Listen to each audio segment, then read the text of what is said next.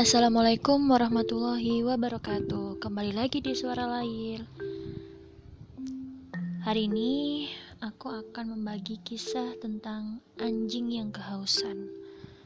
Seperti biasa, aku ambil dari kitab Riyadus Solihat Bab Wanita dalam Samudra Akhirat Halaman 447 sampai 448 Oke, aku bacakan hadisnya dulu ya بسم الله الرحمن الرحيم عن أبي هريرة رضي الله عنه أن رسول الله صلى الله عليه وسلم قال بينما رجل يمشي بطريق اشتد عليه العطس فوجد بئرا فنزل فيها فشرب thumma kharaja fa kalbun yalhasu ya'kulus sara minal atas.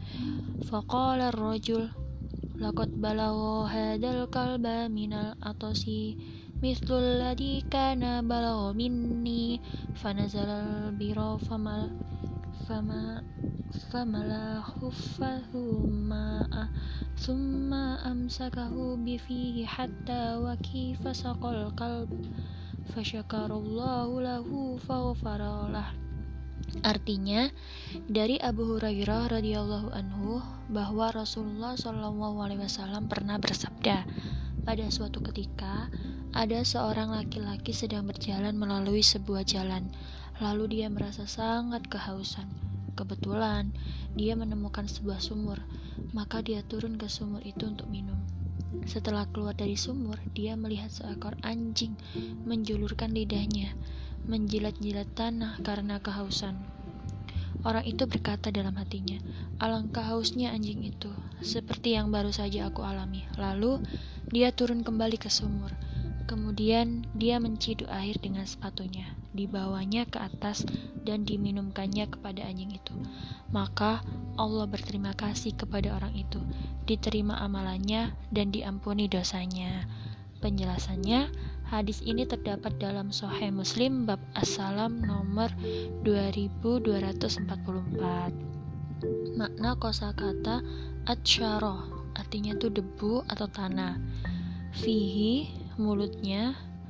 Kandungan hadis tersebut menjelaskan bahwa berbuat baik kepada binatang mampu mendekatkan diri kepada Allah Subhanahu wa taala. Pahala memberi minum kepada binatang sebagaimana dalam hadis di atas mampu menghapus dosa-dosa. Dalam sebuah riwayat disebutkan bahwa ada seorang laki-laki yang dosanya banyak.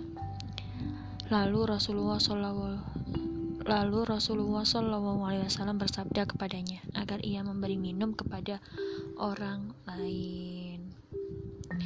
Sekian podcast dari saya. Nanti akan saya lanjutkan dengan kisah-kisah yang lain dan hadis-hadis yang lain dari kitab Riyadus Solihat. Terima kasih. Wassalamualaikum warahmatullahi wabarakatuh.